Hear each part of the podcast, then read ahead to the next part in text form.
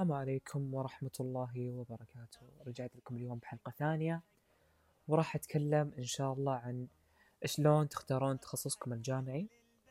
طبعا حطوا أول فكرة رئيسية في بالكم أن التخصص الجامعي هو اللي راح يحدد مستقبلكم مستقبل عشرين سنة لقدام.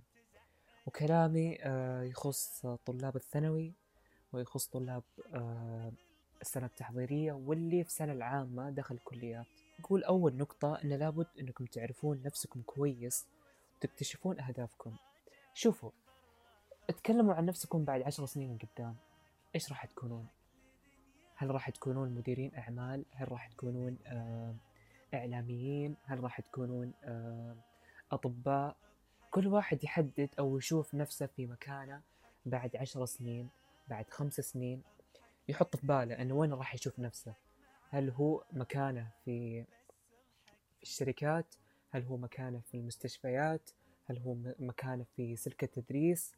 يشتغل كمعلم ك... كإداري ومن هالكلام. بعض مثلا يقولون ودي إني أكون إداري. وفي البعض يقول ودي إني أكون رئيس مثلا قسم معين زي قسم إدارة لوجستية زي قسم آه إدارة موارد بشرية إدارة علاقات عامة. لذا حدد التخصص اللي تبغى تطمح له إنك تكون بالقسم اللي فيه تخصصك.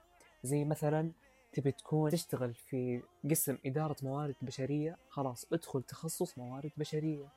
تبي تكون مدير أعمال ادخل تخصص إدارة أعمال. تبي تكون استشاري علاقات عامة ادخل تخصص علاقات عامة. يا؟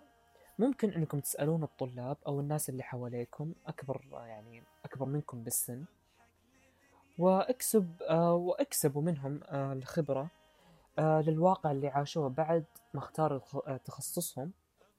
واجهوا من من عقبات في الوظائف في طريقة الوصول للوظيفة علشان تاخذون خلفية كاملة وما تتفاجئون.